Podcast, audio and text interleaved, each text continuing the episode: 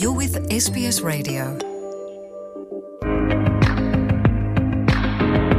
ሰላም ጥዕና በልና ከመልኩም ቀኒኹም ክቡራት ተኸታተልቲ ስbs ትግርኛ ጸብጻባት ናይ ሰዓት ሒዝና ቐሪብና ኣለና ኣርስታቶም ከነቕድም ዕጡቓት ደቡብ ሱዳን ሚእትን ሰብዓን ኪሎ ሜትር ዶብ ጥሒሶም ናብ ኢትዮጵያ ብምእታው መደብር ዕደና ወርቂ ከም ዝተቖጻጸሩ ተገሊጹ። ኣብ ኢትዮጵያ ዝነብሩ ኤርትራውያን ንዝኸሰማ እታ ታስታት ፍርቂ ሚልዮን ብር ኣወፍዮም። ቤት ትምህርቲ ተሓጋገዝቲ ነርስ መም ደፈራ ሚእትን ኣርብዓን ሸውዓተን ተምሃሮ ብሰርትፍኬት ኣመሪቓ። ሰልፍታት ፖለቲካ ትግራይ፣ ትግራይ ምስ ኢትዮጵያ እትገብሮ ዝርርብ ሰፊሕ ውክልና ክህልዎ ፀዊዖም፣ ወሃቢ ቃል መንግስቲ ትግራይ ብወገኑ ዝምልከቶ ኣካል ክሳተፍ እዩ ዝብል መልሲ ሂቡ ኣሎ። ኣብ ዓፋር ሰመራ ዝተኣስሩ ብኣሽሓ ዝቑፀሩ ተጋሩ ብተላባዒ ሕማም ከም ዝተጠቕዑ ተገሊፁ። ኣርእስታት ዜና ክትከታተሉ ፀኒሕኹም ክቡራት ሰማዕትና፣ ናብ ዝርዝራቶም ክንሰግር። ዕጡቓት ደቡብ ሱዳን ሚእትን ሰብዓን ኪሎ ሜትር ዶብ ኢትዮጵያ ጥሒሶም መደብር ዕድለና ወርቂ ከም ዝተቖጻጸሩ ተገሊጹ። ኣብታ ኣካል ክልል ደቡብ ኢትዮጵያ ዝነበረ ናይ ሎሚ ሓዱሽ ክልል ደቡብ ምዕራብ ኢትዮጵያ ዕጡቓት ደቡብ ሱዳን ሚእትን ሰብዓን ኪሎ ሜትር ናብ ዶባት ኢትዮጵያ ኣትዮም ዕደና ወርቂ ከም ዝተቖጻጸሩ ተሰሚዑ ኣሎ።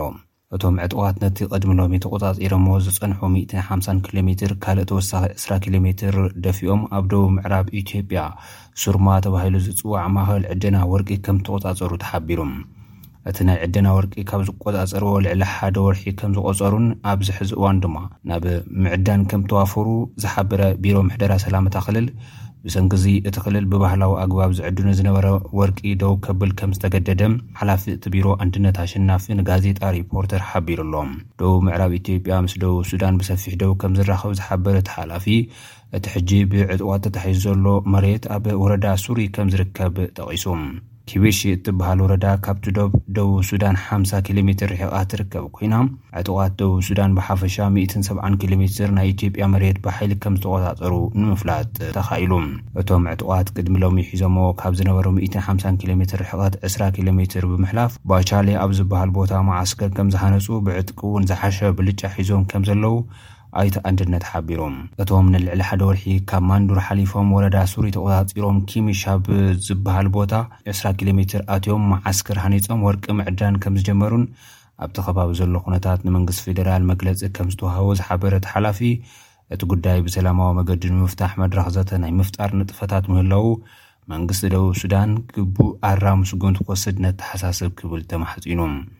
ኢትዮጵያ ድሕሪ ኲናት ትግራይ ቴስዓን ሓሙሽተን ሚእታዊት ብሸነኽ ጎንደር ዝነበረ መሬት ኣልፋሽጋ ብሱዳን ከም ዝተተሓዛ ዝንገር ኮይኑ ብወገን ትግራይ እውን ብኤርትራ ዝተተሓዘ መሬት ከም ዘሎ መንግስቲ ትግራይ ከም ዝኸስስ ዝፍለጥ እዩ። ሕጂ ድማ ብወገን ዕጡቓት ደቡብ ሱዳን ሚእትን ሰብዓን ኪሎ ሜትር ንውሽጢ ዝተተሓዘ መሬት ኢትዮጵያ ከም ዘሎ ጋዜጣ ሪፖርተር ፀብፂባ'ላ። ኣብ ኢትዮጵያ ዝነብሩ ኤርትራውያን ንመዓልቲ ሰማእታት ብምምልካት ኣስታት ፍርቂ ሚልዮን ብር ከምዘወፈዩ ተገሊፁ። ኣብ ኢትዮጵያ ዝነብሩ ኤርትራውያን ንመሰሰኒ ማዕኸን ሕድሪ ሰማዕታት ገንዘባዊ ወፈያታት ከምዝገበሩ'ዩ ተገሊፁ ዘሎ። እቲ ብምኽንያት ዕስራ ሰነ መዓልቲ ሰማእታት ኤርትራ ዝተበርከተ ገንዘብ ኣርባዕተ ሚእትን ስሳን ትሽዓተን ሽሕ ብር ምዃኑ ኤምባሲ ኤርትራ ኣብ ኣዲስ ኣበባ ገሊጹ'ሎ። ቤት ትምህርቲ ተሓጋገዝቲ ነርሲ መንደፈራ ሚእትን ኣርብዓን ሸውዓተን ተማሃሮ ብሰርትፍኬት ኣመሪቓ። ቤት ትምህርቲ ተሓገግዝቲ ነርስ መንደፈራ ሚእትን ሓደን ደቂ ኣንስትዮ ዝርከበኦም ሚእትን ኣርባዓን ሸውዓተን ተምሃሮ ብሰርተፍኬት ከም ዘመረቐት ተገሊጹ ኣሎ። ዳይሬክተር እታ ቤት ትምህርቲ መምህር በረኸት ፍስሃየ ኣብ ዘቕረብዎ ጸብጻብ፣ ተመረቕቲ ካብ ቤት ትምህርቲ ዋርሳይ ይከኣሎ ከም ዝተቐበልዎም ብምጥቃስ፣ ናይ ዓሰርተ ሸሞንተ ኣዋርሕ ስሩዕ ክልሰሓሳባውን ግብራውን ትምህርቲ ቀሲሞም ብሞያዊ ስነ-ምግባር ተኾስኪሶም ንምረቓ ዝበፅሑ ምዃኖም ብምሕባር ንሕብረተሰቦም ብሙያውን ስነ ምግባር ኣሰንዮም ብልዑል ትግሃት ከገልገሉ ተኣማንነት ከምዘለዎም ገሊፆም። ሓላፊ ኣብያተ ትምህርቲ ተሓጋገዝቲ ነርስ ኣብ ዞባታት ሲስተር ኣልጋነሽ ተኽለገርግሽ ብወገናን ሙያዊ ዓቕሚ ሰብ ኣገልግሎት ጥዕና ንምዕባይ ካብ ክልተ ሽሕን ሰለስተን ዓመተ ምህረት ኣብ ሰለስተ ዞባታት ዝተኸፍታ ኣብያተ ትምህርቲ ተሓጋገዝቲ ነርስ ልዑል ኣስተዋፅኦ ይገብራ ከምዘለዋ ብምጥቃስ ዛጊድ ሰለስተ ሽሕን ትሽዓተ ሚእትን ኣርብዓን ኣርባዕተን ተሓጋገዝቲ ነርስ ኣፍርየን ከምዝምረቓ ገሊፀን። ኣብ ሚኒስትሪ ጥዕና ዋና ዳይሬክተር ክፍሊ ፖሊሲ ውጥንን ምዕባል ዓቕምን ዶክተር ብርሃነ ደበሩ ብወገኖም፣ ምምዕባል ሞያዊ ዓቕሚ ሰብ ሓደ ካብቲ ብዕቱብ ዝስርሓሉ ዘሎ ሜላታት ከምዝኾነ ብምጥቃስ፣ በቢዓመቱ ርኡይ ለውጢ የመዝግቡ ከምዘለዉ ገሊፆም ኣለው። ሎሚ ዘበን፣ ንመበል ዓሰርተ ኣርባዕተ ግዜኣ ዘመረቐት ቤት ትምህርቲ ተሓጋገዝቲ ነርስ መንደፈራ ዛጊድ ሽሕን ሓሙሽተ ሚእትን ሰማንያን ሓደን ነርስታት ከም ዘፍረየት ጸብጻባት ማዕኸናት ዜና ኤርትራ የረድኡ። ሰልፍታት ፖለቲካ ትግራይ፣ ትግራይ ምስ ኢትዮጵያ እትገብሮ ዝርርብ ሰፊሕ ውክልና ክህልዎ ጸዊዖም። ወሃቢ ቃል መንግስቲ ትግራይ ብወገኑ ኩሉ ዝምልከቶ ክሳተፍ እዩ ክብል መልሲ ሂቡ ኣሎ። ውድብ ናጽነት ትግራይ፣ ሳልሳይ ወያነ ትግራይን ብሄራዊ ባይቶ ዓባይ ትግራይን ብሓባር ኣብ ዘውጽእዎ መግለጺ፣ ማሕበረሰብ ዓለም እቲ ኲናት ብዝርርብ ክፍታሕ ዝገብሮ ዘሎ ጻዕሪ ይንኢዶም ኣለዉ። እንተኾነ ኣብቲ ክካየድ እዩ ዝተብሃለ ዝርርብ ረብሓ ህዝቢ ትግራይ ብህወሓት ጥራሕ ክኽበር እዩ ዝብል እምነት ከምዘይብሎም ብምግላጽ ሰፊሕ ውክልና ክህልዎ ሓቲቶም። ህወሓት ኣብ ትግራይ ንኹሉ ዘካተተ ዝርርብ ከካይድ ሓቲትናዮ ነጺጉና ኣብ ኢትዮጵያ ግን ንኹሉ ዝሓቖፈ ዝርርብ ክካየድ ምሕታቱ ተጋራጫዊ መትከል'ዩ ዝበሉ እቶም ሰልፍታት ፖለቲካ፣ ማሕበረሰብ ዓለም ረብሓ ትግራይ ከውሕስ ዝኽእል ሰፊሕ ውክልና ከካትት ጸዊዖም።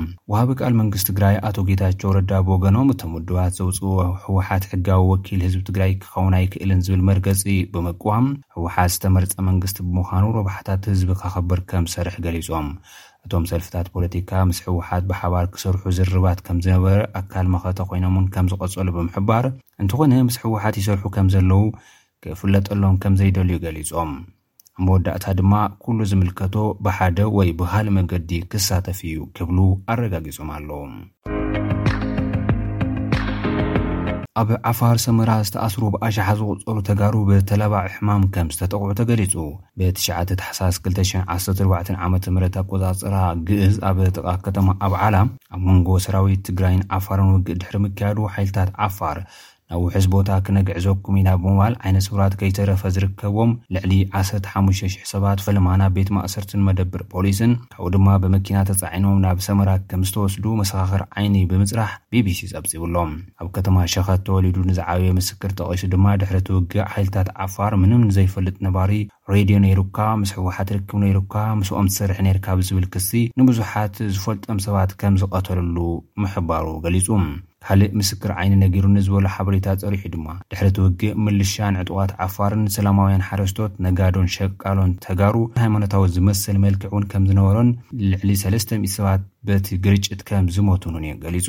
ኣብታ ከተማ ጥራሕ ልዕሊ ዓሰርተ ሽዱሽተ ሽሕ ትግራዋይ ከም ዝነብር መረዳእታ ከም ዝረኸበ ዝገልጽ እቲ ሓበሬታ፣ ብፍላይ ጊድሞን ዋጋርያን ኣብ ዝበሃላ ኣብ ጥቓ እታ ከተማ ዝርከባ ገጠራት ብበዝሒ ሓረስቶት ተጋሩ ከም ዝነበረሉነን ብምዝኻር፣ ዝበዝሑ ከም ዝተዳጎኑ ኣረዲኡ ኣሎ። ሐዚ እቶም ኣብቲ መዳጎኒ መዓስከር ዝርከቡ ተጋሩ ግቡእ ሓገዝን ክንክንን ክረኽቡ ዘይከኣሉ ብምዃኖም ብተላባዒ ሕማም ከምዝተጠቕዑ ህፃውንትን ክሳብ ደቂ ቴስዓ ዝበፅሑ ሽማግለታትን ከምዝርከቡ እውን ገሊፁ።